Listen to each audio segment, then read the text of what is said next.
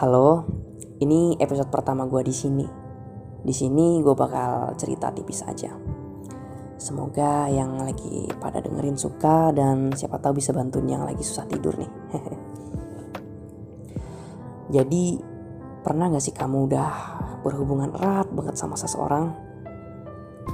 Sampai-sampai susah banget buat ngelupain. Bahkan susah banget buat gak mikirin dia Mau itu pas lagi ngelamun, bahkan lagi beraktivitas sekalipun. Apalagi setiap ngelakuin suatu hal yang dulu sering banget dilakuin bareng, pasti bakal keinget banget. Tapi kita lupa bahwa kita gak selamanya bakal bareng terus sama seseorang. Seseorang yang datang bisa saja hanya berkunjung.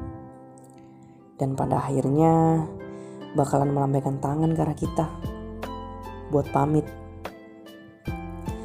Terlepas dari itu semua, ternyata dengan hadirnya seseorang di hidup kita, walaupun itu hanya berkunjung, bisa membuat kita belajar akan banyak hal. Salah satunya merelakan. Mencintai seseorang bukan berarti kita harus memiliki dia seutuhnya. Terkadang Semesta punya jalan sendiri menuntun seseorang untuk menemukan yang lebih tepat untuk kita. Ya, walaupun sulit sebenarnya buat ngelupain apa yang sudah lama ada. Gue tahu itu nggak bakal mudah dan tentu saja nggak bakal cepet. Sedih pasti ada. Nangis itu wajar kok. Kalau kamu masih malu buat nangis di kamar, Coba deh kalau pas mandi, curahkan semua emosi hati kamu. Luapkan apa yang ingin kamu katakan.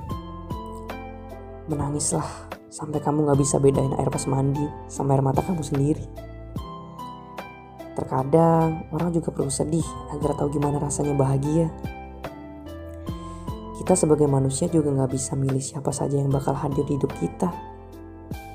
Percayalah, semua yang hadir pasti mempunyai maksud.